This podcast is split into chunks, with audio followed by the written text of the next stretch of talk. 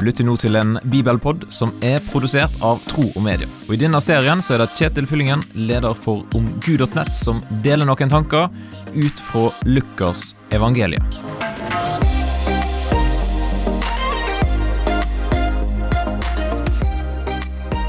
Hva er ditt eh, oppdrag i livet? Hvorfor har akkurat du blitt til sånn som du er? Det er ganske store spørsmål.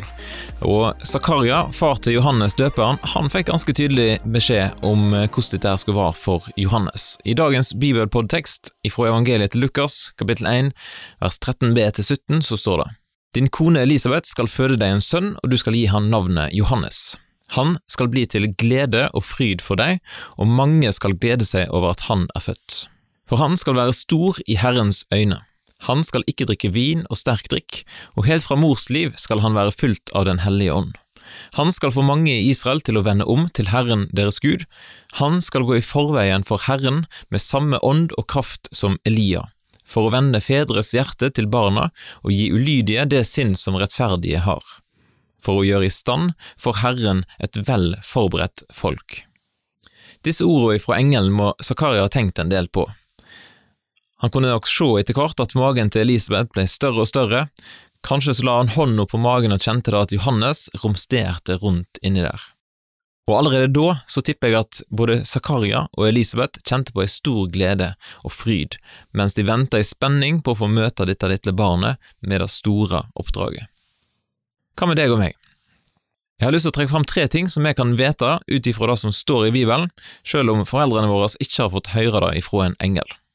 Og punkt én er at du er forma av Gud. Jeg har lyst til å oppfordre deg til å lese Salme 139. Når du har lest den, så kan det være at du vil si det samme som David sier i vers 14, at jeg takker deg for at jeg er så underfullt laga. Og punkt to, du er òg til glede og fryd, sannsynligvis for de menneskene som du har rundt deg, men enda mer viktig, så er du der for Gud. Leser vi i Sefania 3,17, så står det Herren din Gud er hos deg, en helt som frelser. Han fryder seg og gleder seg over deg, og viser deg på ny sin kjærlighet. Han jubler over deg med fryd. Og tre, du har òg fått et stort kall og oppdrag. Og først og fremst så er du kalt inn til fellesskap med Gud. Og for det andre så er du sendt ut for å invitere andre inn i dette fellesskapet. Du har fått et stort kall og et stort oppdrag. Hva tenker du om teksten her i Lukas kapittel 1? Del gjerne dine tanker med meg. Du kan sende en e-post til kjetil alfakrølltroomedia.no hvis du har noe å dele.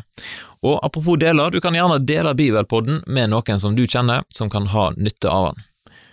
Og til slutt så har jeg lyst til å tipse deg om at vi har et nettkurs på kurs.omgud.nett som heter Hva vil Jesus med deg og med ditt liv?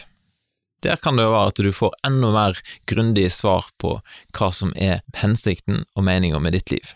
Da ønsker jeg deg en fin dag, og så poddes vi plutselig igjen. Takk for at du lytter gjennom denne bibelpodden, og vil du gi en tilbakemelding på det som du hørte, eller vil du lære mer om kristen tro, da kan du gå til nettsida omgud.nett. Eller du kan sende en e-post til kjetil.